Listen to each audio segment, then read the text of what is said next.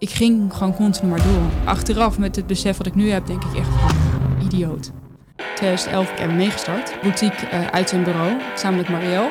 Ja, dat ging uh, direct als een tierenlier. Alles daarvan aan de kant hebben geschoven. En als een idioot zijn gaan rennen. Ik was op de fiets onderweg. Toen ineens werd mijn zicht slechter. Toen voor het eerst werd ik eigenlijk bang. Dat ik dacht van, oké, maar dit is niet goed.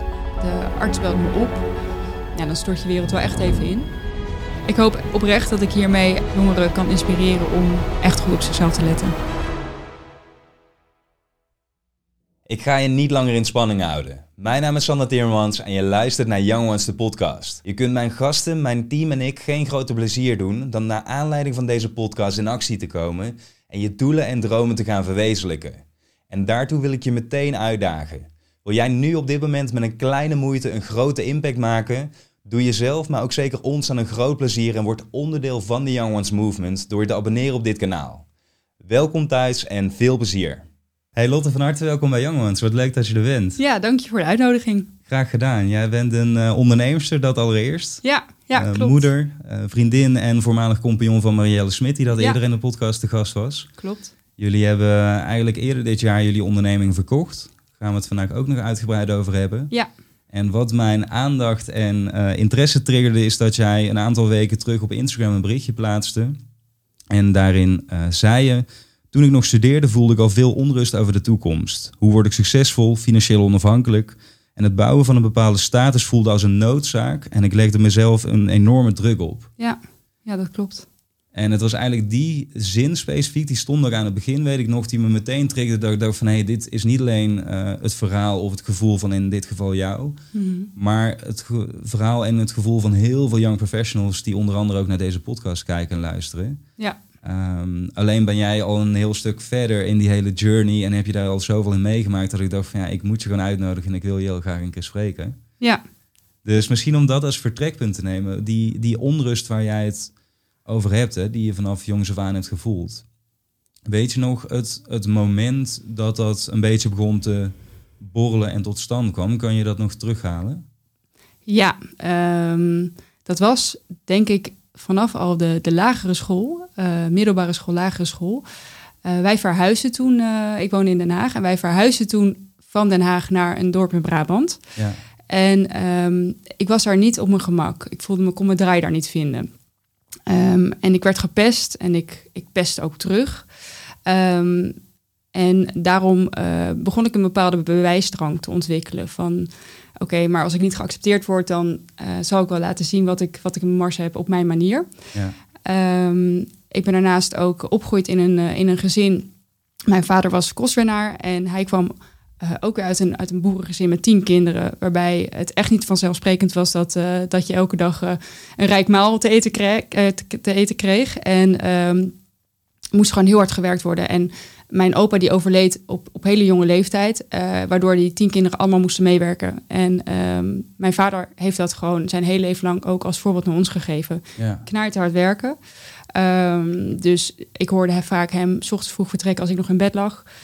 En s'avonds later weer thuiskomen als ik bewijs van al in bed lag. En als ik dan even s'nachts naar de wc ging om te plassen, dan zag ik hem werken in, ja, de, wow, in, de, ja. in, de, in de werkkamer. Uh, dus dat was wel echt mijn voorbeeld uh, qua werketels en uh, ja, werkmentaliteit vooral.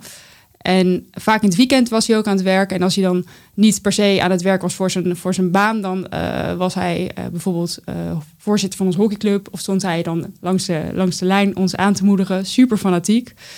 Um, en, en, en dat is ook al iets. Dus enerzijds die, die werkmentaliteit die ik bij hem heel erg zag. Van oké, okay, als jij iets wil bereiken, dan ga je er gewoon 600% voor.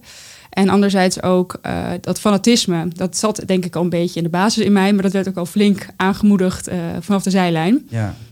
Um, en dat heb ik gewoon wel echt meegenomen in, in de rest van mijn leven. Dus um, ja, dan heb je op, op school heb je het al niet helemaal naar je zin. Je kan je draai daar niet vinden. En, en, het... Zat omdat er dan in dat jij uit, vanuit Den Haag naar een dorp in Brabant kwam? Of wat was de reden dat mensen dan op je gingen inprikken? Um, ja, ik denk wel omdat ik anders was. En dat, dat komt voornamelijk, denk ik, omdat ik een accent had natuurlijk. Je komt uit de stad en je, hebt, uh, nou ja, ja, ja, je praat net wat anders dan, uh, uh, dan de mensen in Brabant. Um, maar ja, ik, ik, waarom dat nou precies was, het was, het was geen match. ja, en ik heb me daardoor denk ik wel aangepast. Ja. Ja, precies. Ja, Ja. maar het is best wel frappant om het zo te noemen. Want ik kom juist uit een dorp in Limburg. Mhm. Dan heb je vaak ook een eh, accent of een dialect of eh, ja, whatever. Ja, En als je dan juist richting de steden trekt, heb je eigenlijk hetzelfde verhaal. ja oh, Ehm, dus ik had me eigenlijk nooit gerealiseerd dat dat andersom natuurlijk ook op die manier kan werken. Want het gaat uiteindelijk allemaal over hoe groepen mensen met elkaar eh, samen zijn natuurlijk. Ja, en heb je dat in de stad dan ook gemerkt dat mensen dan zeiden van... Want, want wat ik vaak merk in Amsterdam is dat het juist heel erg als leuk en gezellig wordt gezien... als je dan inderdaad eh, als dorpeling naar de grote Ja, ja, stad dat komt. nog ge- gezellig inderdaad. Ja. Nou ja, eh, ik, ik denk dat het... ehm, ja, hoe heb ik dat ervaren? Ik was nooit al zo heel erg fan van dat dialect, moet ik zeggen. Ook omdat het sociaal gezien best wel lastig is als je ook vrienden hebt die het niet spreken en zo. Ja, En het fijne is wel aan dialect, eh, en de mensen denken nu vaak dat ik uit Brabant kom, terwijl ik uit Limburg ja kom. precies. is Ja. dat je dat aan en uit kan zetten als een soort tweede taal. Ja. Dus het is er bij mij wel verder uitgefilterd. Daar ben ik heel blij mee, want we hebben ook allebei recht gestudeerd. Nou, als jij een sterk pleidooi bijvoorbeeld probeert te geven... ehm, en dan kunnen mensen zeggen dat het niet zo is, maar het is echt wel zo. En je doet dat met een heel hoog stemmetje bijvoorbeeld. Ja, dat komt niet over. Dan komt dat gewoon minder nee, of nee, niet over. Eh, dus daar ben ik ook wel echt op gaan trainen om mezelf op een andere manier te, te verwoorden. Ook wat lager bijvoorbeeld in mijn stem in plaats Ja. van zo heel hoog. en ja, zo. snap ik. Ja. Dus, ehm, maar dat, eh, dat, dat gaat allemaal over mij. Wat ik als tweede heel, eh, wat me opvalt in je verhaal is, omdat jouw vader dus stil dat zo druk bezig was, creëerde dat dan ook een bepaald gevoel bij jou van ja, ik moet ook iets gaan doen of bezig zijn en, en aan de slag? Of, Ja, ik denk het wel. En ik denk ook wel dat dat de verwachting was. Ehm, Ik denk met name vroeger, denk mensen die midden 30 zijn dat wel kunnen herkennen, dat als eh, je dan op de middelbare school zat, werd ook verwacht dat je ging studeren en dan vaak ook gewoon een, een goede basisstudie. Dus ik, ik wist bijvoorbeeld echt niet wat ik, eh, wat ik wilde studeren. Ehm, ik was 17 toen ik klaar was met mijn VWO, dus, dus vrij jong. En dan, dan word je toch een beetje zo eh, voor leeuwen gegooid van oké, nou zeg het maar, wat is je toekomst? Ik had echt geen idee. Eh, dus heb ik gekozen voor een basisstudie als rechten. Nou, en ik merkte al heel snel dat dat helemaal niet mijn ding was. Was veel te abstract voor mij. ja. Ehm, ik heb overigens echt wel eh, eh, goede vaardigheden geleerd... die ik later heb kunnen meenemen, maar het was niet mijn ding. En vervolgens heb, ik het, heb ik het wel afgemaakt. Want als ik ergens aan begin, maak ik het ook wel af. Ehm, maar ik merkte ook snel dat ik daarnaast heel veel aan het werk was. Dus nou ja, misschien is dat ook alweer een gevolg van, eh, van altijd maar iemand als voorbeeld hebben die bezig is. Ja, Ik was soms wel vijf tot zes dagen naast mijn studie aan het werk. Ehm, om ook te kijken wat ik dan, wat ik dan wel leuk vond. Eh, dus eh, ja, dat, dat, dat, dat, ja, dat zat er gewoon eh, dat zat er heel erg in. En eh, nooit echt rust. En altijd wel onrust over welke kant ga ik dan op en eh, waar kom ik later terecht. Ik las laatst ook eh, een, een schrift waar ik in 2009 had opgeschreven van eh, ik moet eh, eh, eh, ja, een soort van, van voor mezelf iets starten. Of in ieder geval die druk voelde ik al heel erg. Dat kwam daar heel, erg- heel erg Ja, ja. in naar voren. Van de onrust van wat ga ik doen? En ik moet toch wel iets doen wat, wat in elk geval onderscheidend is. Ja, Maakte je daar dan ook heel veel zorgen over? Want wat ik namelijk heel vaak zie en ook bij mezelf toen heb geanalyseerd, dat ik op een gegeven moment dacht van, hé, hey, ik leef eigenlijk alleen maar in de toekomst met mijn gedachten. Eh, die gedachten die zijn dan ook vaak niet heel positief over de toekomst, maar juist van, oh, wat als het niet lukt, wat als het niet lukt. En vervolgens gaat dat steeds meer eigenlijk, en nogmaals, dit is niet alleen ons verhaal nu, maar dit gebeurt echt bij heel veel mensen op Ja. dit moment. Ja. Gaat dat steeds meer ook je gedrag en je acties bepa- bepalen. Dus bij mij betekende dat van waar ik eerst misschien om zeven uur 's ochtends op stond om te studeren, werd het op de uur zes, toen vijf, toen op een Oh ja, zelfs vier. En terwijl het bewijs, zeg maar, want mijn ge- gedachte was bijvoorbeeld dat wat als ik dit tentamen niet haal, ik noemde maar één. Mm. En dan was mijn actie die daarop volgde, dan begin ik gewoon nog een uur eerder met Ja. studeren. Dan ga ik wel zorgen dat ik dat zo extreme reactie elke kans afbaken. Ja. Dat, zo- dat, ja, dat, had ik, dat had ik niet op die manier. Ik heb eigenlijk juist altijd wel gedacht van dit gaat me gewoon lukken. Ja. Ehm, maar ook dit moet lukken. Dus heel veel druk daarachter. Van dit zal en moet me lukken. En ik zal me bewijzen. En wacht maar. Een beetje soort, bijna een soort eh, heel defensief. Ja, ja. Ehm, ja, dat is natuurlijk ook een soort weerstandsmodus. Maar eh, ja, nee, ik, ik herken dat wel heel erg. En dat heb ik later ook echt omgezet inderdaad in, in die kracht om, eh, om vol voor een doel te gaan. Eh, maar ja, ik, ik denk dat, het, dat dat ook niet heel gezond is. Dat je jezelf zo onder druk zet dat je iets moet. En dat je, ja, ja, dat je maar door blijft gaan ten koste van, eh, van alles. Maar ja, zullen we zo nog uit Ja, nee, zeker. Ja, dat, dat is natuurlijk dan een rode draad inderdaad die daarmee gepaard gaat. Van Ja. enerzijds hele mooie prestaties wellicht, zeker voor de buitenwereld. En leuk om op social media te plaatsen. Ja. Ehm, maar anderzijds hoor je vaak niet het hele verhaal wat achter die prestatie schuil gaat. En Nee, wat de, de investering moest zijn. Zeker. Eh, je zei net of en je schreef dus in 2000, negen, zei je net nou? ja, klopt, al op dat briefje van, nou, ik wil iets voor mezelf eh, beginnen. Ja. Ehm, waar en, nou, laat ik eens zo zeggen, wanneer en waarom ben jij gestart met ondernemen? Ja, ik ben, ik ben in 2009 ook gestart met ondernemen, maar dan als, als eenmanszaak. Dus ehm, ik heb toen eh, me ingeschreven bij de, bij de Kamer van Koophandel eh, als ZZP'er. Dus het was eigenlijk nog heel, eh, heel klein en schattig. En ben toen mijn eigen werkzaamheden gaan factureren. Wat me echt wel meteen heel erg beviel. Want het gaf me heel veel zelfstandigheid, heel veel vrijheid ehm, ja, en controle, om het zo maar te zeggen. Dus ik kon echt eh, zelf bepalen inderdaad eh, welke richting ik op, ik op ging. En ik had zicht op mijn eigen financiën. Dat vond ik gewoon, dat, dat trok mij heel erg. Ehm, en toen in, eh, even kijken, 2011 ben ik MMA gestart. MMA Hospitality. Ja, Eh, Een boutique uit zijn bureau, wat ik dus onlangs heb verkocht, samen met Marielle. En ehm, nou, dat, dat kwam letterlijk voort uit die onrust van wat ga ik in godsnaam doen. En ik, ik moet en zal eh, iets, iets gaafs gaan neerzetten en Ja. presteren. En ook echt iets onderscheidends. Dus ik wilde heel graag voor mezelf werken, zodat ik niet aan de mening van anderen onder, eh, onderworpen was. Want dat, was natuurlijk iets wat ik vanuit mijn jeugd helemaal niet als prettig had ervaren. Ja, zeker, die ja. mening van anderen. Ehm, dus ja, nee, dat, dat, dat was voor mij al snel wel duidelijk. Van nee, ik ga, ik ga nu wel echt eh, zelfstandig aan de slag. En ehm 2011 begonnen. Ja, dat ging eh, direct als, als een tierenlier. En eh, vanaf dat moment ook zo ehm, eh, overtuigd van dit gaan we gewoon tot een heel groot succes maken. Dat gewoon alles daarvoor aan de kant hebben geschoven. ja. En eh, als een idioot zijn gaan rennen. Ja. En betekent dat dan inderdaad wat je zegt van het ging als een tierenlier? Jullie, waren een boutique uitzendbureau, zeg je net? Ja, ja, om- even om het makkelijk te zeggen, een boutique uitzendbureau. Ja. Wij zetten op flexibele basis zetten wij studenten in eh, voor hospitality en cateringwerkzaamheden en promotie en saleswerkzaamheden. Ja. En wat was het onderscheidende karakter waar je het, wat je net al benoemde? Wat maakte dat zo onderscheidend ten opzichte van de andere mensen die dat op dat moment deden? Ehm, de, de kwaliteit. Echt de kwaliteit. Ik, eh, ik werkte toen zelf eh, tijdens mijn stu- studie, dus toen ik die vijf, zes dagen in de eh, week werkte, werkte ik als hostess, soms als model naast mijn studie. En ik zag gewoon dat het, dat het veel beter kon wat betreft de werkmentaliteit van mijn collega's. Ehm, en ook communicatie vanuit het bureau waar ik destijds voor werkte, was gewoon echt onder de maat. Ehm, ik heb wel eens gezien dat, dat een klant ruzie kreeg met iemand van het bureau. En ik, ik zag gewoon, het viel me steeds meer op dat, eh, dat er eh, vraag was naar een, een betere service, zowel aan klantkant als aan, eh, als aan de, de flexibele medewerkerklant. En ehm, nou ja, toen zijn we dat dus gestart. En dat ging eigenlijk vanaf moment één supergoed. Ehm H&M was onze eerste klant. Eh, vervolgens eh Beaumonde Awards. eh, en, en toen ging het balletje rollen. Kregen we Levi's als eerste klant. Ja, dat was gewoon... Of als een van de eerste klanten. En zetten we medewerkers in over... voor allebei Core voor de heel Nederland.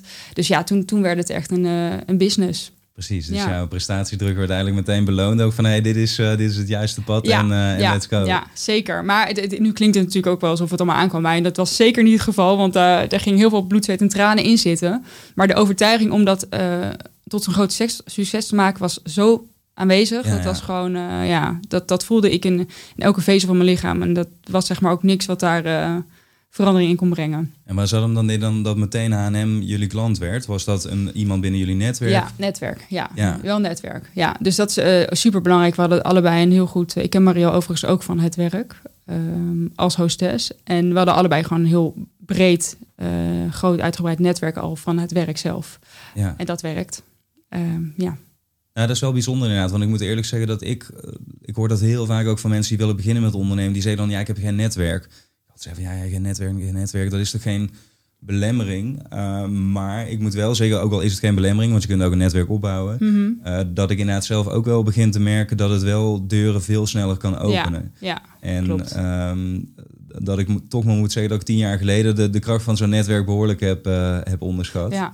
Ja, ik ben, ik ben zelf ook van nature niet echt een netwerker. Ik vind het altijd nog best wel lastig. Dus het is ook wel de, de stap die je zet om dat netwerk dan ook te benaderen. Dus dat moet je natuurlijk vervolgens ook wel, wel doen. Het is, het is niet het netwerk weet het en Nee, dat is het dan ja. maar. Ja. Dus eh, er zit ook wel een, eh, een, een echt wel een, een proactieve kant vanuit jezelf in.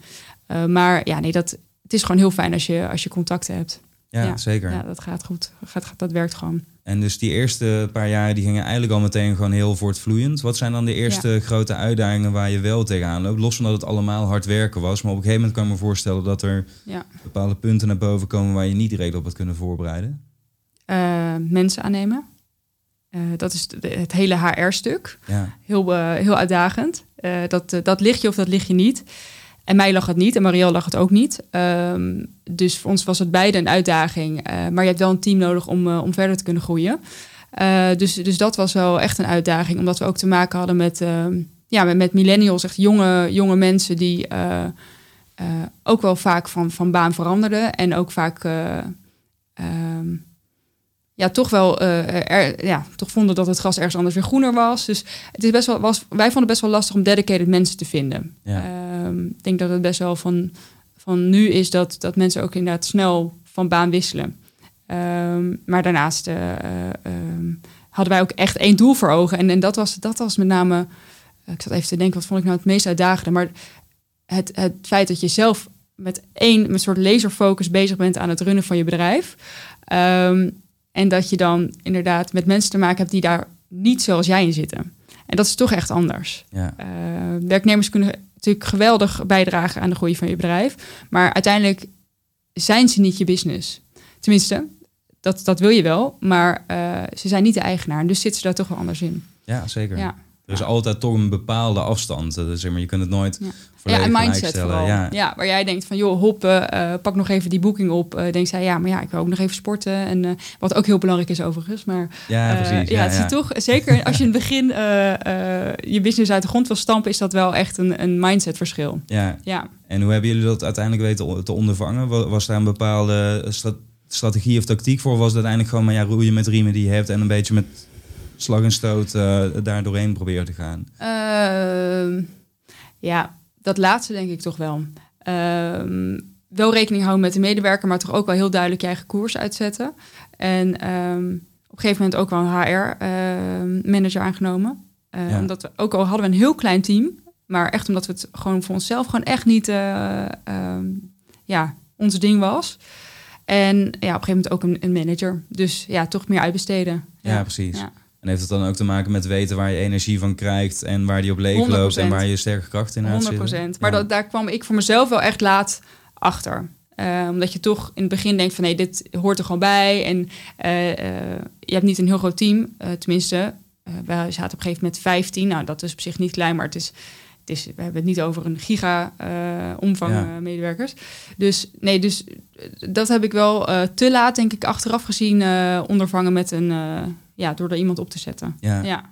Oh, niet schrikken, even een kleine onderbreking. Hopelijk zit je te genieten van deze aflevering en ben je al geïnspireerd om meer uit jezelf, je leven en je carrière te gaan halen. Daarvoor is het essentieel om in contact te komen met gelijkgestemden, want samen sta je immer sterker dan alleen, maar is het ook vooral veel en veel leuker.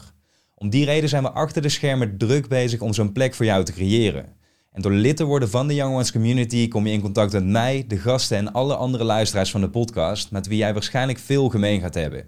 Je krijgt exclusief toegang tot livestreams, masterclasses en we geven je de kans om live bij een opname aanwezig te zijn en je vraag te stellen. Maar dat is niet alles, want je kunt ook meebeslissen over wie dat de gast gaat zijn in de podcast. Meedenken over de vragen die we stellen. En minimaal één keer per jaar organiseren we een live event waar we samen met z'n allen bij elkaar gaan komen. Als jij als eerste toegang wilt krijgen tot de community en wilt genieten van deze voordelen, dan kun je vanaf nu inschrijven voor de wachtlijst via de link in omschrijven van deze podcast. Dus hopelijk zie ik je daar en nog veel plezier met deze aflevering. En je zegt 100%. van we zaten niet met een al te groot team. Eh, hoe zit dat dan? En ik hoef niet per se cijfers te weten, maar in de omzet en de schaal van wat jullie deden, hoe Mhm. staat dat daar dan tegenover? Was het echt een, een miljoenenbusiness bijvoorbeeld met Ja. dat soort opdrachten? Of hoe? Ja. ja. Eh, zeker. Ja, in 2015, eh, ehm, het jaar dat mijn klachten begonnen, draaiden we ons eerste miljoen. Of gingen we eigenlijk door, eh, voor het eerst door een miljoen heen. En dat, dat stapelde alleen maar op vanaf toen. ja. Eh, dus zeker miljoenenbusiness. ehm waarbij wel eh, die werknemers eh, wel echt eh, zeg maar, het meest drukte op onze marge. Dus daar moest je wel goed naar kijken. Van oké, en dat is denk ik ook heel belangrijk. Als ondernemer let jij daarop. ja. Je kijkt naar, oké, verdient iemand zichzelf terug? En ehm, ja, als jij als accountmanager ergens zit, dan, dan, dan voel je dat toch een stuk minder. Zeker, ja. Ja. Dat is een andere, andere insteek. En ik kan me ook voorstellen bij, bij jullie wat je zegt van je hebt natuurlijk enerzijds dat je de klanten wilt aantrekken, maar ik kan me ook voorstellen als je helemaal met H&M werkt en je doet dat goed, dat H&M gewoon klant blijft bij in dit geval MMI? Of? Ja, dat, dat, dat is zo. Maar ehm, ik heb wel echt geleerd dat het, dat het lastig is om een klant te houden dan om een klant aan te trekken. Oké. Ja. ja, je bent echt zo goed als je laatste opdracht. Ja. ja. Ja, 100%. En is dat ook al wel eens als een boemerang dan teruggekomen? Dat je nou dacht, yes, we hebben deze klant, maar dat het uiteindelijk dus blijkbaar is misgegaan, want anders zou je het nu niet vertellen. Nou, niet vaak, maar het is, eh, kijk, want eh, ik vertel het sowieso omdat het eh, natuurlijk onze missie was om die kwaliteit continu te leveren. Dus het was niet alleen de eerste keer van, oké, gaaf Chanel binnen of Mercedes ja, ja. is, nu, is nu een vaste klant. Maar ehm, juist daarna wil je blijven leveren en de, de verwachtingen blijven overtreffen. Uh, maar natuurlijk, dat is wel eens gebeurd. Ja, nee, dat hoort erbij. Ja. ja. Zeker. En daar bouw je dan enorm van. En dan denk je van, ja, shit, weet je, hoe kan dit nou gebeuren? En dan, ja, dat is gewoon iets wat je, wat je te alle tijden kost wat kost wil voorkomen. Zeker. En hoe, hoe verwerk je dat gevoel dan? Want dat is natuurlijk eigenlijk, oké, dan heb je een tegenslag. Ja. Maar hoe ga je er dan vervolgens mee om? Uh, is ook een uh, veel besproken topic natuurlijk. Hoe ga je daarmee om? Nou, daar ben ik me niet echt bewust van geweest op dat moment. Ik denk balen en door. Ja. ja.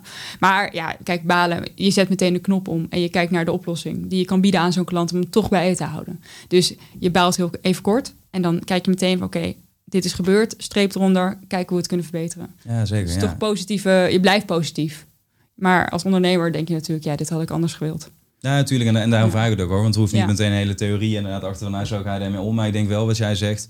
Dat heel veel mensen die willen starten met ondernemen, of die nog net beginnend zijn, zich inderdaad niet realiseren van oké, je hebt het verzinnen van het idee bijvoorbeeld. Net zoals eh, Marielle en jij, van nou je komt bij elkaar, je moet er al een onderscheidende touch in vinden. Ja, Je moet je eerste klanten gaan vinden. Nou, dan heb je die eerste, sta je bijna misschien met de champagne op tafel. ja. Maar vervolgens inderdaad die relatie onderhouden en elke keer weer die kwaliteit weten te leveren en ook weer die medewerkers weten aan te trekken, Ja. enthousiast te houden. ja. Er zijn zoveel aspecten die bij het ondernemerschap kan bekijken, waardoor ik wel vaak denk van hé, dat ik vergelijk het heel vaak of bijna altijd met topsport.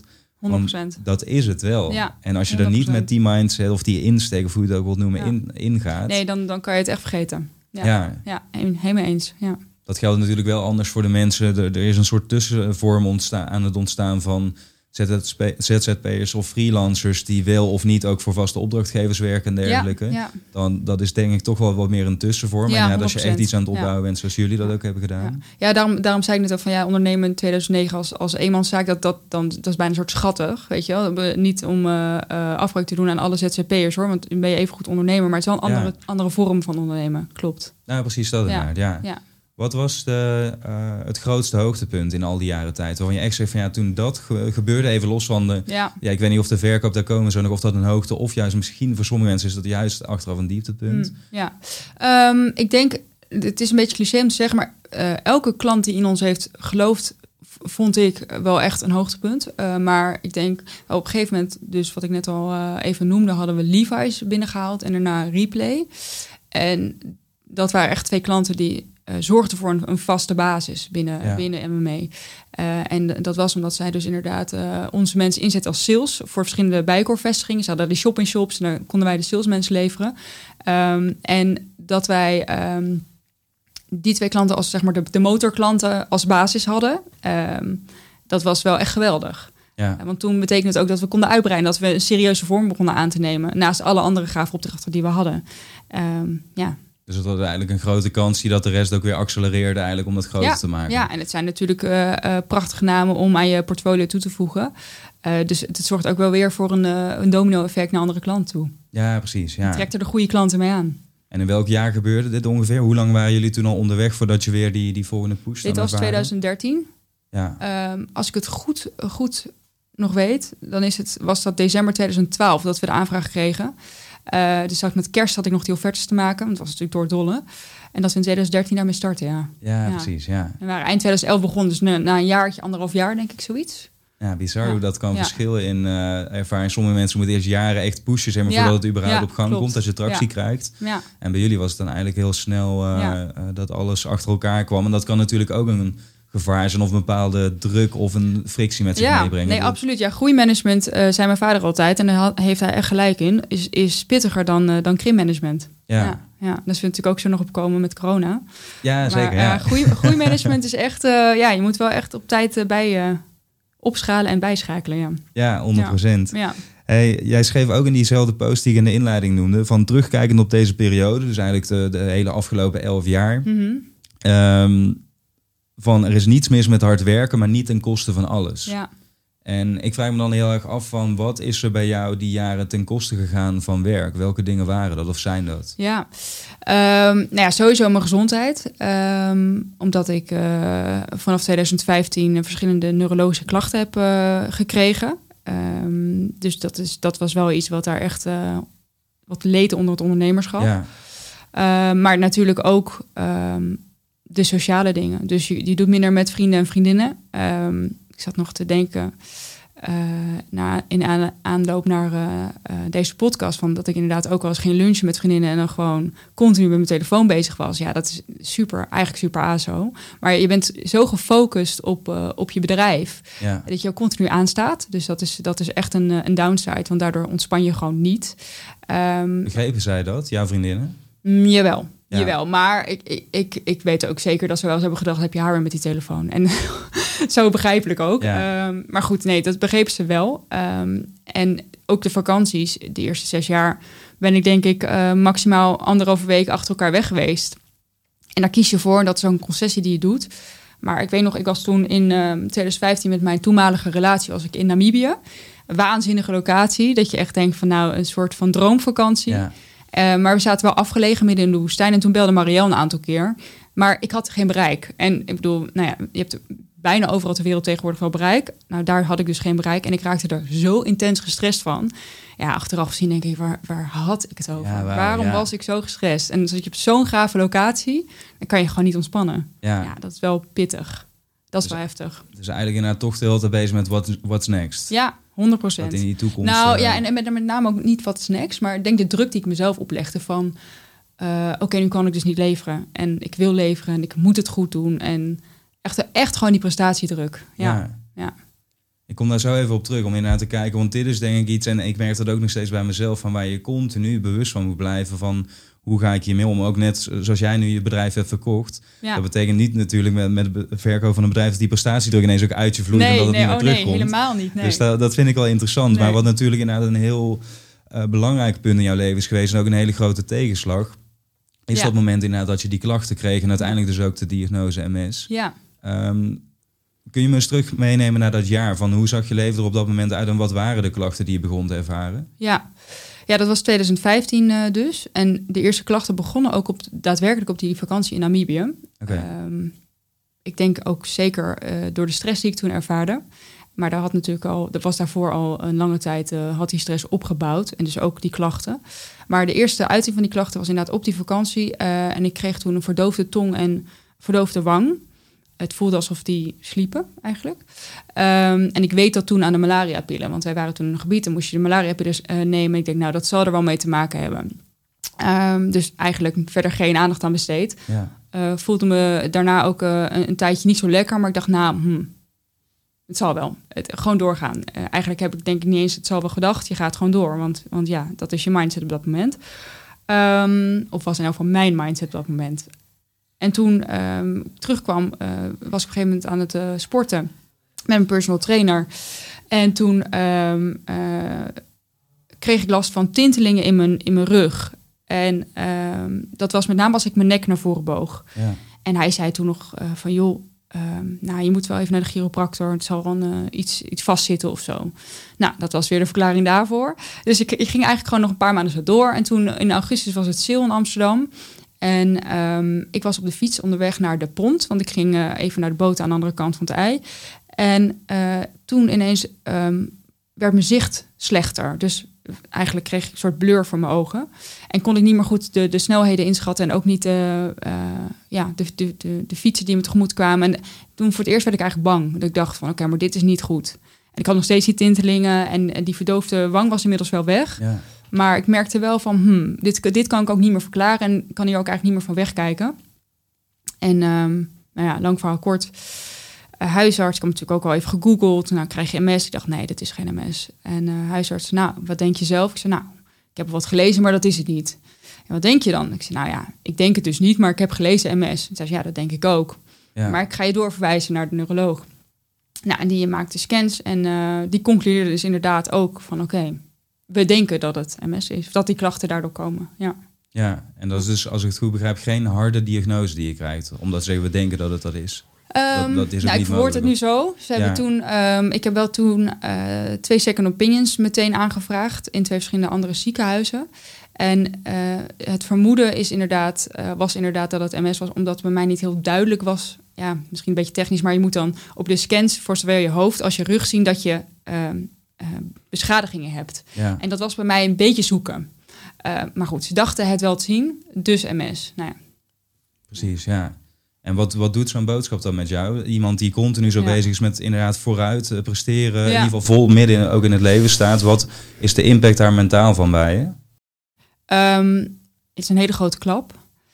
Ik, ik was op dat moment op kantoor. Ik zat achter mijn bureau. Um, en de arts belde me op. En die wilde het in eerste instantie niet per telefoon zeggen. Uh, maar ik, ik gaf me eigenlijk geen keus. Dus ik zeg, joh, weet je, kom maar over de brug, want ik wil het gewoon nu weten. En, en uh, wat is het? En toen zei hij van, nou, we denken MS. Nou, dan stort je wereld wel echt even in. Ja. Um, en het was ook best wel uh, lastig dat het op kantoor was. Achteraf gezien ook echt idioten dat via de telefoon ging natuurlijk. Maar ik bedoel, ja, dat heb ik natuurlijk zelf toen een beetje afgedwongen. Um, maar ja, nee, toen, toen was ik wel echt overstuur. En toen um, had ik daar natuurlijk niet de ruimte om dat even te verwerken. Want ik zat er met mijn team. En uh, ja, het is toch wel een boodschap. Ja. Toen ben ik even naar huis gegaan. Uh, maar al vrij snel eigenlijk dacht, dacht ik van... nee, maar dit gaat me gewoon niet gebeuren. Had ik eigenlijk al vanaf moment één dat ik dacht... ja, maar prima dat je nu aangeeft dat dit MS is... maar dit gaat mij niet gebeuren. En dit past ook niet bij mij. En het voelde gevoelsmatig ook niet, uh, niet goed. Ja. Ja. Maar dat is dan je eerste reactie. Mm -hmm. Vervolgens inderdaad ga je bepalen van hoe ga ik hierop handelen eigenlijk en, en ja. hoe ga ik hiermee om. Ja. Wat, wat, is voor iemand, want ik weet inderdaad niet exact wat MS voor impact heeft op je leven. Ja. Uh, ook omdat het vaak volgens mij, net zoals met heel veel verschillende dingen die ik voorbij hoor komen, dat het ook kan verschillen per persoon. En, Klopt. Um, dus wat is de invloed op jouw leven en hoe schat jij het op dat moment in wat het voor je zou gaan doen, om het ja. zo te zeggen? Ja, dat vond ik op dat moment ook nog heel moeilijk. Ja. Um, ook omdat ik er niet aan wilde. Maar MS is inderdaad een, een aandoening aan je zenuwstelsel. Dus niet een spierziekte, denk ik voor mensen, maar het is een, een aandoening aan je zenuwstelsel. Waarbij uh, door bepaalde beschadiging aan je uh, ruggenmerg of in je hoofd. Um, je beperkingen kunt ervaren in uh, uitval van, van je gevoel of inderdaad tintelingen. In ieder geval neurologische klachten kunt ontwikkelen. Uh, en in mijn geval um, was dat mijn zicht, is dat nog steeds. Dus je moet je voorstellen, als ik opwarm, dan ver, ver, ja, nou, verdwijnt niet mijn zicht, maar wordt het troebel, dus wazig. Dus balsporten zijn dan niet te doen, um, omdat je die bal niet kunt, uh, okay, ja. de snelheid niet kan inschatten. Uh, dus tennis, hockey, noem het maar op, is gewoon eigenlijk, ja, kan ik niet meer doen. Um, ook hardlopen is voor mij heel lastig met dat zicht. Want je, je kan gewoon niet inschatten wanneer iemand oversteekt en hoe, wanneer je zelf kan oversteken. Uh, dus dat is het zicht. Nou, die tintelingen uh, in je lijf. Dus dat, dat kan uh, in je been zijn, kan in je rug zijn. in mijn geval heel erg mijn blaas. Dus ik heb chronische blaasklachten ontwikkeld. Dus dat van blaasspasmen, maar ook... Um, um, ik gebruik een katheter om naar het toilet te kunnen gaan. Dus ja. ik kan niet meer zelfstandig plassen. Oké. Okay. Um, en dat, dat heb ik nooit zo openbaar gemaakt, omdat het niet niks is.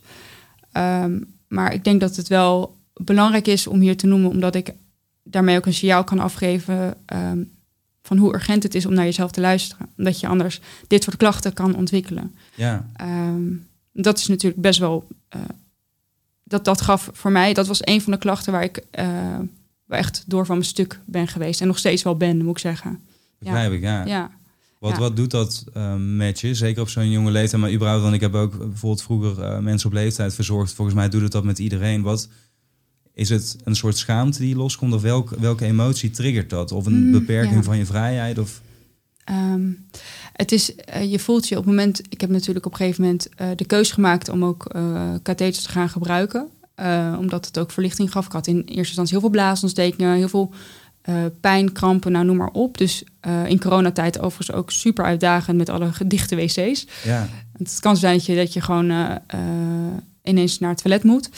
Um, maar nee, wat doet dat met je? Dat is, ja, dat is, ja, wat, wat is het goede woord daarvoor? Nou, ik zou niet zeggen, nou ja, misschien wel, het is wel een beetje onmenselijk. Je voelt je, eh, voor mij is vrouw zijn en vrouwelijkheid en um, elegant kleden heel belangrijk. En dat is daarbij echt een inbreuk op. Ja. Ehm, en dat, dat heb ik ook wel als, uh, als zodanig ervaren op het moment dat dat, ehm, ja, dat ik dat ben gaan doen, heb ik dat natuurlijk gedemonstreerd gekregen in het ziekenhuis. En dat was wel een van de moeilijkste momenten uit mijn leven. Ja. Toen dacht en ook daar, dat is ook idioot, want die ochtend was ik gewoon nog op kantoor. En um, ik, ik, ik drukte het gewoon weg dat ik naar die afspraak ging. En eigenlijk was ik daar zwaar emotioneel onder, want ja, dat is nogal wat. Ja. Maar ook daar liep ik weer aan voorbij. Dus ik ging gewoon continu maar door. En dat is, dat is achteraf met het besef wat ik nu heb, denk ik echt van, nou, idioot. Maar je hebt zo erg die prioriteit om succesvol te worden, dat je, ja, uh, ja je, je, geeft er dus, dus niet de juiste prioriteit aan. Ja, maar het voelt ook wel een beetje als je copingmechanisme bijna. Van oké, hoe, ga ik, hoe ga ik met, met dingen om? Nou, gewoon maar door dus inderdaad. Ja, het is coping. En het is, maar het is ook, um, de, de, het is zeker inderdaad een overlevingsmechanisme, maar het is ook toch uh, dat succes zo belangrijk vinden. Ja. En dat opeenzetten en dat boven, eigenlijk boven je eigen gezondheid stellen. Ja, ja, dat is wel echt. Uh, ja. Als je het hebt over een ver, vertroebeld. En daarmee zeg ik niet dat jij een vertroebeld wereldbeeld hebt. Maar gewoon nogmaals heel veel mensen. Omdat we onszelf mm. ook continu maar aan het vergelijken zijn met alles en iedereen. Uh, en die uh, verleiding ligt ook natuurlijk veel meer op de loer dan echt heel veel jaren geleden. Ja. Maar dat het gewoon bijna bizar is dat dat. Dat op die manier dus inderdaad op het duur je verdeling wordt. Ja. En nogmaals, bij mij was die ook zo. Want ik heb ook met die burn-out maanden eruit gelegen. En toen mijn afweging klopte dus ook totaal niet. Ja. En begrijp ik je nou goed omdat je zegt van je ontwikkelt deze klachten, dat het dus ook iets is waar je um, ja, zelf invloed op hebt gehad, wat je dus kunt triggeren door hoe dat je in het leven staat, of, of begrijp ik dat dan verkeerd? Dat is wel een hele goede nuance. Um, bij iedereen ontwikkelt het sowieso anders, maar ik, ik denk van wel. Ja. Ik denk van wel. En dat is ook een van de redenen dat ik dus nu na de verkoop volledig uh, ben gaan focussen op mijn gezondheid. Eindelijk, in die end. Um, omdat het ook hoog nodig was. En uh, nou ja, na de geboorte van mijn dochter in elk geval voor mij die spiegel zo erg werd voorgehouden dat ik dacht, oké, okay, maar nu doe ik het niet alleen maar voor mezelf. Um, dus ik denk, ik denk zeker 2015 was dus dan het eerste moment. Die klachten zijn ook progressief nog toegenomen. Dus uh, er zijn nog allerlei klachten bijgekomen. Ik heb het laatst opgeschreven, het zijn een stuk of 15 of zo. Het is echt idioot. Zo, ja. um, maar je ziet niks aan mij. Hè? Dus dat, dat is ook weer het, het eigenlijk het. Um, ver, uh, ja, nou ja, verneukeratief is misschien niet een chic woord, maar het is, dat is het wel. Want ja. Mensen zien het niet aan je af. Die zien gewoon even uh, plat gezegd een, een uh, jonge, leuke, succesvolle meid die het allemaal goed voor elkaar heeft. Maar ondertussen. En dat is, dat is wel eens iets uh, van ik denk, ja, ja, maar ze moest eens weten. Ja, maar daarom vind ik het des te moediger dat jij het nu zo vertelt. Want ja. uh, ik kende jou hiervoor ook niet. En je komt inderdaad toen straks aangelopen. Nou, dan zie je natuurlijk een prachtige blonde verschijning. Ja. Uh, maar ik vind het dan wel, want dat is gewoon puur wat we zien. Ja. Maar heel knap dat je nu, ook omdat het je eerste podcast is en überhaupt voor de eerst dat je dit verhaal vertelt. Het vertelt niet, denk ik, voor jezelf, maar wel ook voor anderen die. Um, ja, 100 procent. Ja, nee, ik, ik vertel het inderdaad echt voor anderen. Um, omdat ik gewoon eerste hand, uit eerste hand heb ervaren hoe funest het kan zijn als je niet naar jezelf luistert. En als je de signalen die je lijf je letterlijk geeft en je lijf schreeuwt om aandacht en probeert echt met je te communiceren, als je die gewoon, uh, gewoon helemaal naast je neerzet. Ja. ja.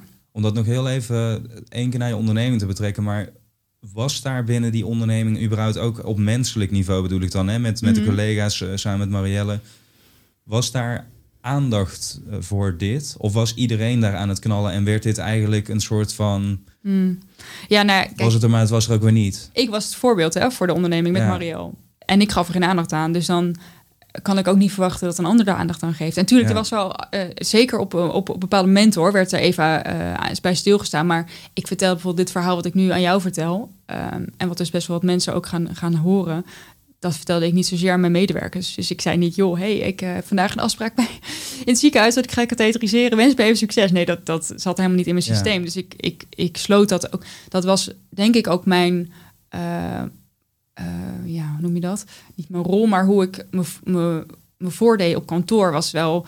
Mensen vonden mij altijd de zakelijke en de serieuzere. Terwijl ja. ik had zo die focus op dat succes. En, en ja, daar ja, kwam dus weinig ja, kwamen weinig, weinig andere ja. dingen bij kijken eigenlijk. Zou je nu terug in hindsight zeggen dat jij op kantoor jezelf was? Want nee, kon zijn. Nee, ja. nee, nee. Nee, nee en natuurlijk wel voor een deel. Uh, want ja. er, zit, er zit dat ambitieuze, ja, dat zit in mij, dat zal er altijd zijn. Maar ik was wel echt, ik had zo'n tunnelvisie en ik, was, ik had zo die, die focus op dat succes, dat daarvoor heel, heel veel uh, spontaniteit eigenlijk verloren ja. ging. Ja, dus dat, dat is zeker als ik, uh, als ik weer een ander bedrijf begin, dan zou ik ook wel dat totaal anders doen. Ja, want zo heb ik je totaal. inderdaad, hoe ik jou nu leer kennen, vind ja. ik juist heel persoonlijk en heel, heel ja. warm. En, en natuurlijk ook wel zakelijk, maar dat kan voor mij prima hand in hand gaan. Ik zie mezelf ook zo van, ik heb een gevoelige kant, maar ik kan ook heel zakelijk zijn. Mm -hmm. En met zakelijk bedoel ik niet knijterhard en ik begin te schelden, maar wel gewoon op de feiten en uh, strategisch. Ja, ja precies. Um, dat vind maar, ik ook nog steeds heerlijk hoor. Ik bedoel, ik, daar hou ik echt van. Maar inderdaad gewoon het meer die balans, meer het menselijke, dat zou ik dan echt toevoegen. Ja, Want er zit ook een hele lieve kant in mij, een hele sensitieve kant eigenlijk. Um, en daar sloot ik me ook echt voor af. Juist omdat ik best wel sensitief ben, ook voor um, nou ja, de, de, de, de, gevoelens in de ruimte, of in ieder geval de, de, noem je dat, de emoties, de energie in de ja, ruimte. Precies, ja. ja, daar sloot ik me echt voor af. Omdat ik dacht, ja, dat, dat leidt gewoon af van dat doel wat ik heb. En dat, dat mag niet. En Ja. dat deed ik dus ook bij mezelf, maar ook bij mijn omgeving. Ja. Ja, bijzonder. Ja. Die tweede fysieke tegenslag die je inderdaad kreeg, want dat vind ik ook wel interessant in de zin van, als ik dat maar vraag, maar wanneer heb je je huidige relatie dan in deze periode gekregen? Ja, nee, mag je vragen. Ehm, in 2017. In 2017, ja. ja. In augustus 2017. Ja. Want was het met.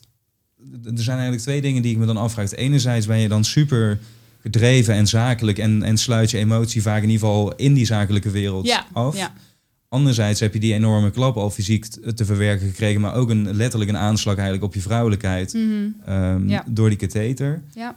En om dan iemand te ontmoeten, zeg maar, en enerzijds dat eraan bloot te moeten durven geven, maar ook helemaal in dat zakelijke. Het, het klinkt voor mij heel veel en heel verwarrend, als ik heel eerlijk ben. Mhm. Van hoe kun je dan, of kon je juist bij hem en kan je bij hem dat juist wel allemaal ja. Laten zijn? En is het daarom zo'n Ja. goede relatie dan? Nou, ja. eh, eh, toen ik hem leerde kennen, toen speelde dat hele verhaal nog niet met die, met die katheter. Het zijn overigens, eh, kleine side note, maar gewoon echt van die hele makkelijke meeneembare dingen. Dus het is niet dat ik iets aan mijn lijf heb, maar ja, precies. je moet er wel altijd aan denken, zeg maar. En het is natuurlijk niet echt, nou het is niet sexy of zo. Maar ehm, nee, hij heeft dat volledig omarmd en geaccepteerd. En hij is super begripvol voor mijn situatie. En hij vindt juist heel knap hoe ik ermee omga. En hij support natuurlijk ook nu heel erg dat ik me daar volledig op focus. Maar ehm, ik ben gewoon de goede, de goede tegengekomen. Ja. Ja. dus dat, dat voelt gewoon wel eh, ja, heel erg als kloppend. Ja, maar dat, dat vind ik dus wel bijzonder. Ja, dat daar dus wel ruimte voor kon Ja. ontstaan. Dat liefde dat ook kan doen. Dat dat, dat even door, ja. Ja, de- Ja. door dat zakelijk heen eh ja. maar moet ook wel. Ik denk, ik denk als je een relatie aangaat zonder kwetsbaar te kunnen zijn... Ja, dan heb je wel een aparte rela- relatie, denk ik. ik. Weet, ik zou dat zelf niet kunnen. Want er zit in mij dus ook een hele kwetsbare en lieve en, en zorgzame kant. Alleen eh, als het op mijn doel afgaan eh, gaat, dan niet.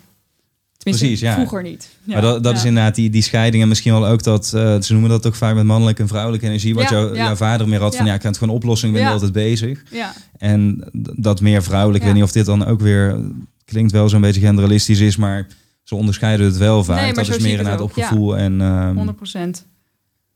Hey, en vervolgens die, ja, die tweede fysieke klap die je dan eigenlijk er nog bovenop eh, krijgt. En ik heb jouw verhaal eh, nou, in die zin gelezen. Ik heb dat uit meerdere social posts en dergelijke proberen te destilleren. Maar zo voelde het voor mij heel erg. Ik, ik heb letterlijk opgeschreven ook de fysieke genadeklap. Zo voelde het. Ja.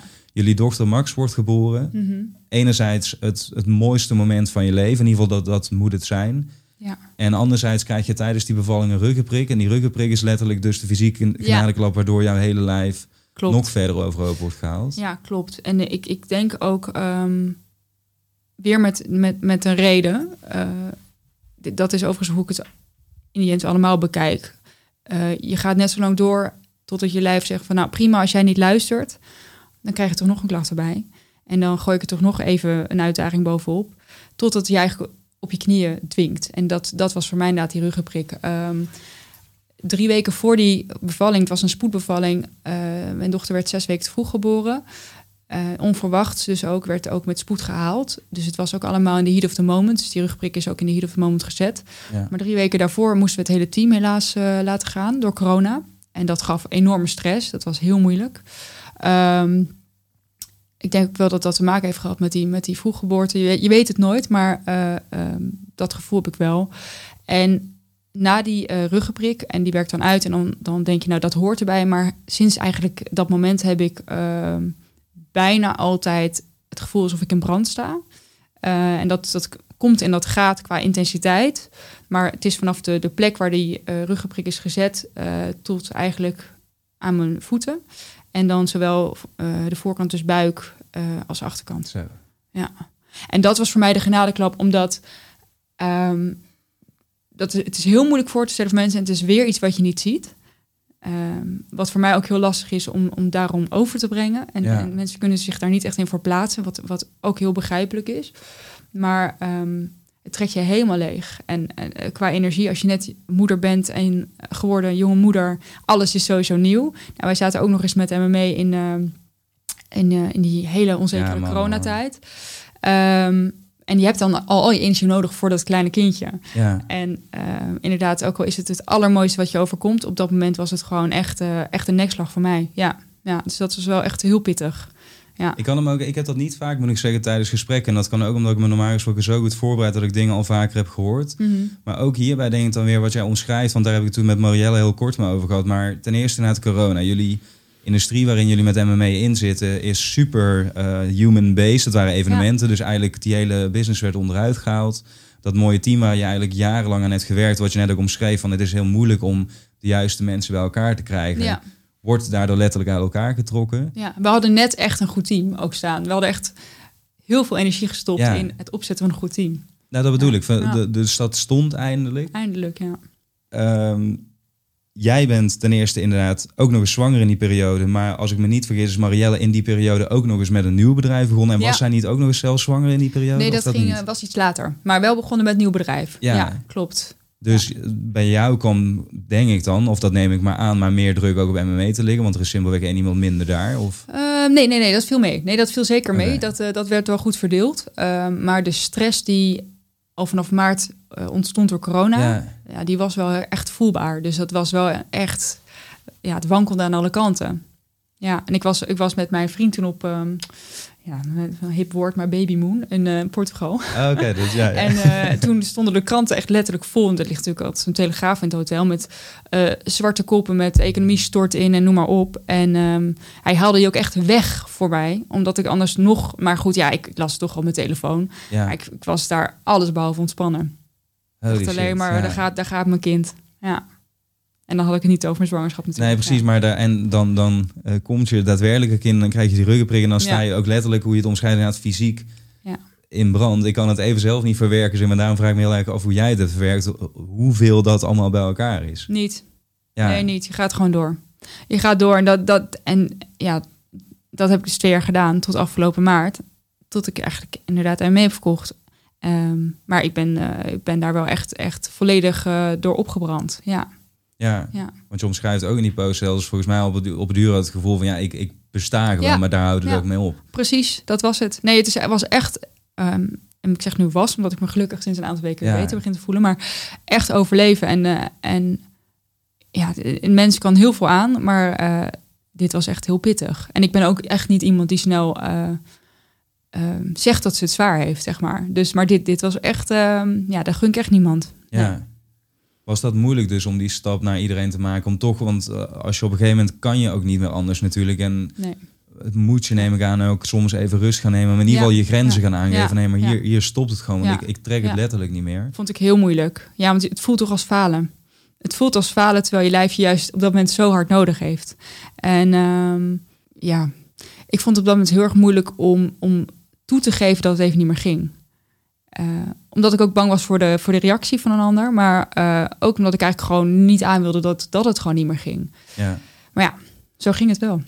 En was die re- reactie van de meeste mensen uiteindelijk zoals jij hem had verwacht in je gedachten, dus waar je je zorgen om maakte? Of was die een stuk schappelijker eigenlijk dan jouw eigen voorspelling daarop? Ja, mijn omgeving is super begripvol altijd geweest. Maar het is wel moeilijk voor te stellen. Want je ziet het dus niet aan. Maar ja, natuurlijk, op dat moment, ik ben wel heel veel afgevallen. En eh, ehm, je ziet natuurlijk wel iemand die vermoeid is. Maar goed, iemand is ook net moeder geworden. Dus je Ja. loopt niet met een mitella, weet je. Je loopt niet met krukken. Het is, het is anders. En, eh, en dat is wel eens lastig om over te brengen, ja. Zeker omdat jij je, en dat herken ik heel erg, als je je altijd hebt gepresenteerd als Ja, de sterke zakelijke. Exact, Iedereen zegt ja. altijd over jouw image is gewoon nee, dat is Lotte, die gaat altijd eh, voor goud en die Ja, eh, al dat lukt precies. allemaal wel. Ja, dat, ja. En dan blijkt ook ineens die Lotte eh, ook een grens hebben te kunnen omvallen. Inderdaad, om daar Ja. zowel voor jezelf dat te leren accepteren, maar ook voor anderen om dat Ja. beeld ineens. En om kwetsbaar te durven zijn. Ja. Dat vond ik zo moeilijk. Terwijl nu denk ik echt, nou ja, het is toch prachtig dat je dat kan. Dat Ja. is toch eigenlijk gewoon... Hun, en eigenlijk is dat een kracht. Eh, maar da, daar heb ik wel veel voor moeten... pijn voor moeten ervaren om dat eigenlijk te beseffen. Van, hé, hey, je mag kwetsbaar zijn. Dat daar is helemaal niks mis mee. Ja, zeker. Want dat is ook, Ja. eh, zoals je het straks ook zei, inderdaad, zakelijk wordt heel vaak verward eigenlijk, vind ik, met, oh, dan ben je dus heel erg afgestomd en Ja, bijvoorbeeld niet kwetsbaar of Ja. mag je niet emo- emotioneel zijn. ja. Ik herken Mhm. heel veel in jouw verhaal van mezelf ook. Omdat ik vroeger ook die, die aannames die je over dingen doet, ook door je eigen voorbeelden natuurlijk. Van Ja. hey, werken, dat eh, was bij mij ook, dat moet altijd een beetje pijn doen. Je begint gewoon heel Ja, vroeg ja, en dan krijg je op een duur iets voor Gewoon terug. doorbeuken, ja. Ja. Precies. Ja. Ehm, zakelijk zijn, eh, mijn weg naar de advocatuur, wat ik al zei, op mijn zestiende wist ik nog niet eens dat het allemaal bestond. Dus wat ging ik doen? Ik ging series kijken en documentaires van hoe gedragen die mensen zich. Mhm. En dat kopieer je eigenlijk. Ja, precies. Ja. En in mijn onderneming nam ik dat in mijn eerste onderneming in ieder, in ieder geval exact op die manier over. Tot ik uiteindelijk, en toen, dat was na mijn burn-out, inderdaad dat ik ook die fysieke klap had gekregen. En dus was na gaan denken van, hé, maar wat gebeurt hier nou allemaal? Mhm. Dat je het kunt gaan verwerken inderdaad en kunt, kunt gaan toepassen zeg maar in de nieuwe situatie. In je nieuwe Ja. perceptie van hoe dit nou allemaal Ja. eigenlijk zou, Nou, zou en dat is in die rijkdom natuurlijk. Dat je, dat je daar wel de lessen van leert die je weer mee kan nemen voor je toekomst. Ja. Ja, Dus het is, het is niet voor niks.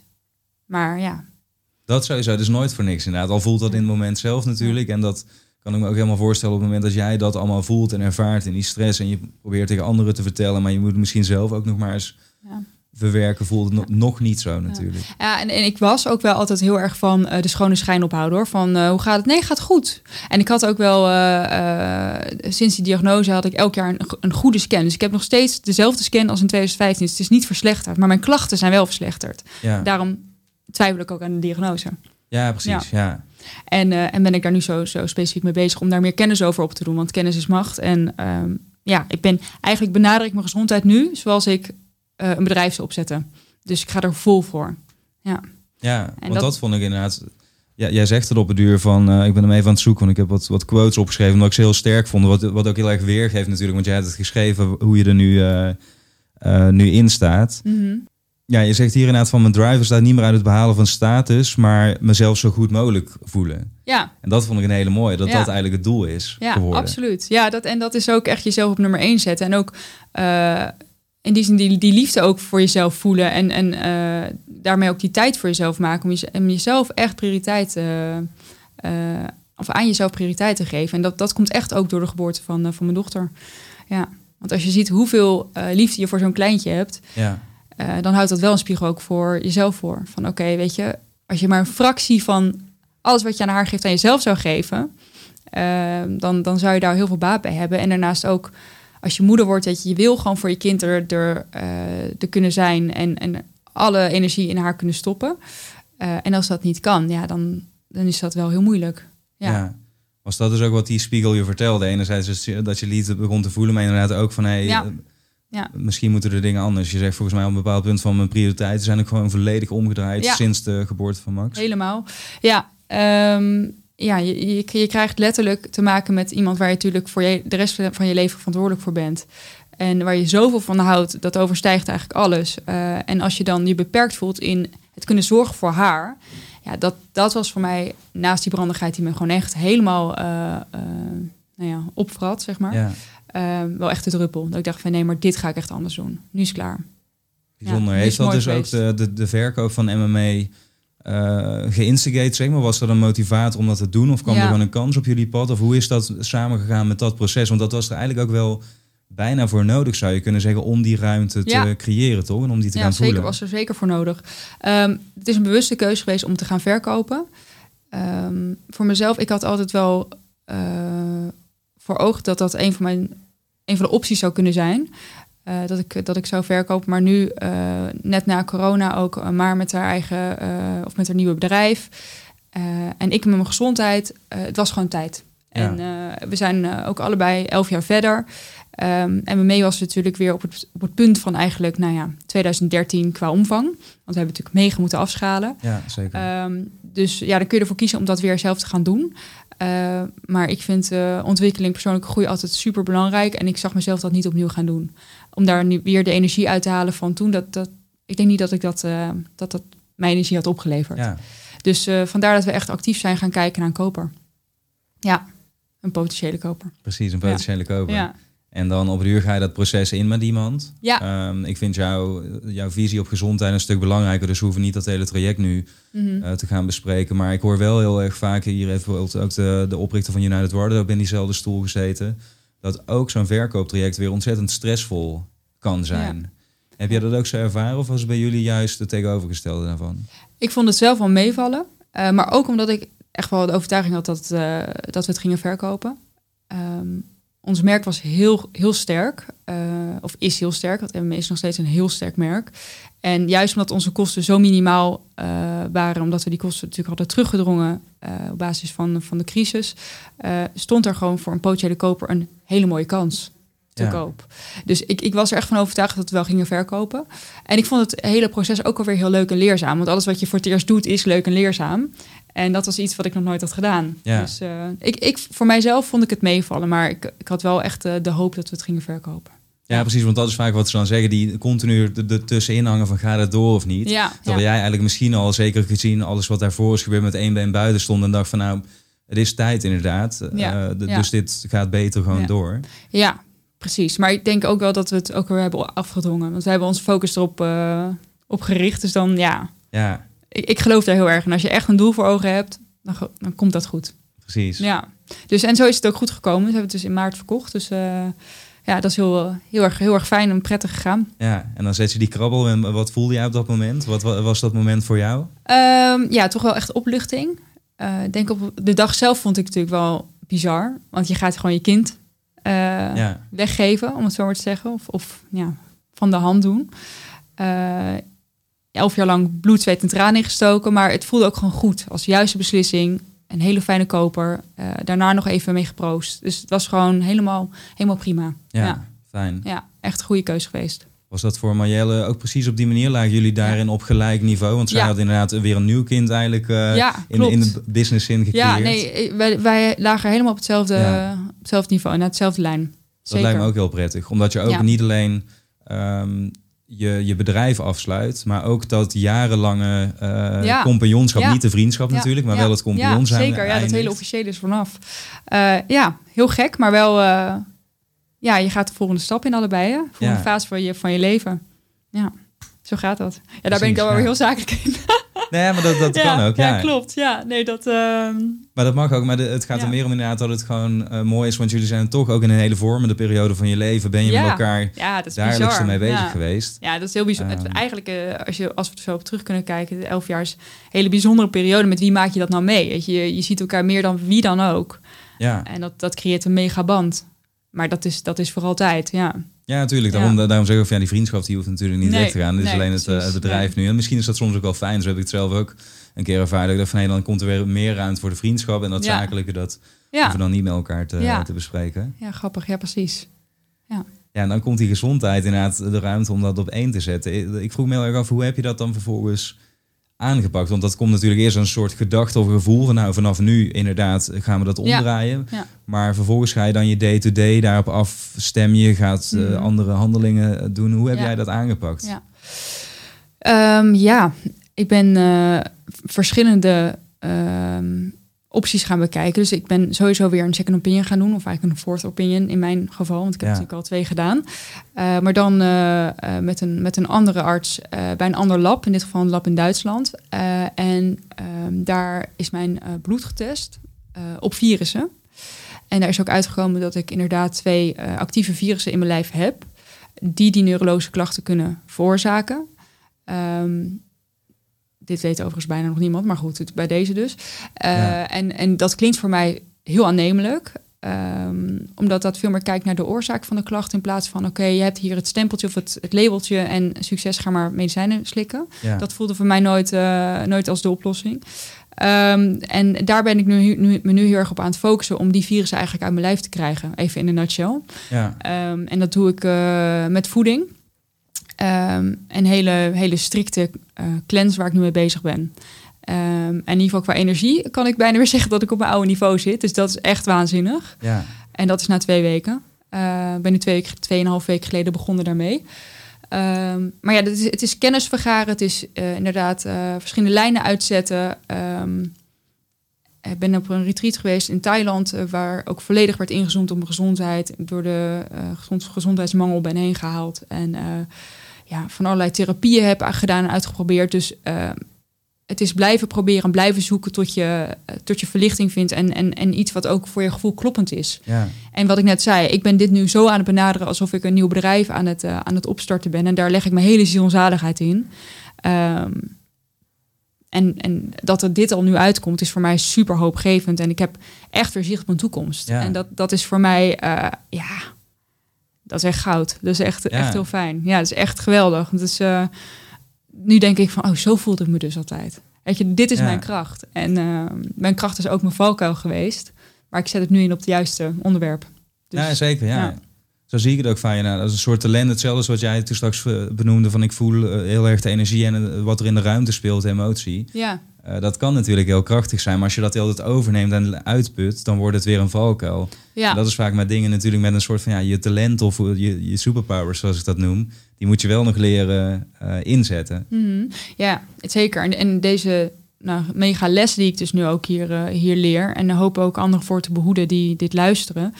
Um, neem ik weer mee voor de toekomst. En, en dat is natuurlijk, ik wil heel graag... Ik uh, ben nog steeds super ambitieus, weet je. Ik wil heel graag uh, eigenlijk weer aan de slag. Maar dit gewoon eerst. En, en, en dit gaat nooit meer mijn prioriteit verliezen. Ja. En, en dat, dat is gewoon zo waardevol om nu te beseffen. Dus echt, luister naar je lijf. Zeker, Luister naar je, ja. naar je hoofd. Want het hangt uiteindelijk allemaal samen. Ja. Is dat ook iets waar je misschien uh, naar voelt van hey, met, met al jouw kennis en ervaring, want je bent nog steeds super jong. Maar daarom zei ik het in het begin ook, je loopt wel een aantal jaren voor op mensen die nu misschien midden in die red race zitten en dingen beginnen ja. te voelen. Ja, ja. En toch zeg ik wel op dit niveau vaak van voorkomen is beter dan genezen. Ja, zeker. Uh, ja. Ook met een burn-out en dergelijke. Ja, als je het eenmaal hebt gehad en ik heb het gehad, dan blijf je de rest van je leven een soort sensoren houden, ja, noem ik het vaak. Voor. Ja, Uh, ja. ja, en je, aan de ene kant is dat fijn, want ik voel bijvoorbeeld al als ik een tinteling hier achter op mijn schouder krijg, dan weet ik dat ik mijn grens aan het bereiken ben en dus even uh, stap terug moet doen. Mhm. Mm -hmm. En vroeger was mijn reactie dan vaak geweest, nou, die tinteling die kan ja, wel wachten. Ja, die merk je niet eens op. Ja, ja, maar anderzijds, dat is meer in het geval dat het toch al te laat is. Nou, dan, dan ga je er op die manier mee om. Maar je kunt het natuurlijk ook deels voorkomen. Is dat iets waar je zelf misschien ook meer mee wilt gaan doen? Je zit nu nog misschien zelf nog heel erg in het traject, maar dat je zegt van nee, maar dat is ook wel iets heel moois ja. om... Ja, wie weet. Um, ja, ik, ik hoor het wel om me heen. Van ik zie jou iets in de gezondheid gaan doen. Ik, ik zou niet weten uh, welke vorm uh, dat zou aannemen. Maar ja, ik sta overal voor open. Ik blijf natuurlijk een ondernemer. Dus ik, ik ja, probeer ook wel nog uh, kansen te zien in, uh, ja, in situaties. Dus Ja, je, tuurlijk, je, je, ja. je, weet het niet. Je weet het niet. Maar ja, dit is in ieder geval nu voor nu echt mijn focus. En ehm, daar ben ik heel, heel blij mee. En, en de onrust voor wat de toekomst gaat brengen heb ik wel echt nog.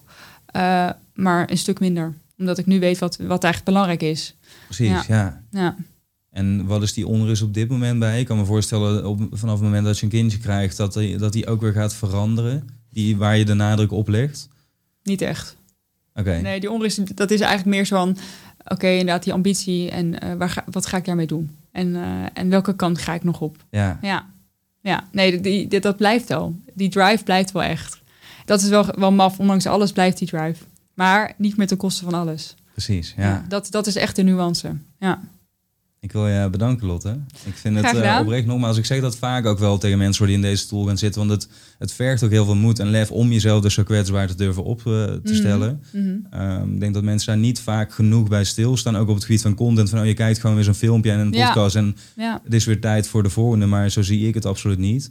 Uh, daar komt dan nog eens bij dat het voor jou ook heel erg, omdat het allemaal fysiek is, het heeft te maken met je vrouwelijkheid. Je hebt het nog niet eerder op deze manier verteld. Dat zijn Nee. allemaal dingen die daar nog eens bij komen. Dus dan vind ik het heel knap en bewonderenswaardig hoe je dat doet en dat je dat doet. Dankjewel. Um, en ik wil je ook heel erg bedanken voor het vertrouwen dat je daarmee in Ja, mij uh, ja. legt dat je het hier wilde uh, doen. En voor zeker. de mensen die dit kijken of luisteren. ik hoop oprecht dat ik hiermee ehm, jongeren kan inspireren om echt goed op zichzelf te letten.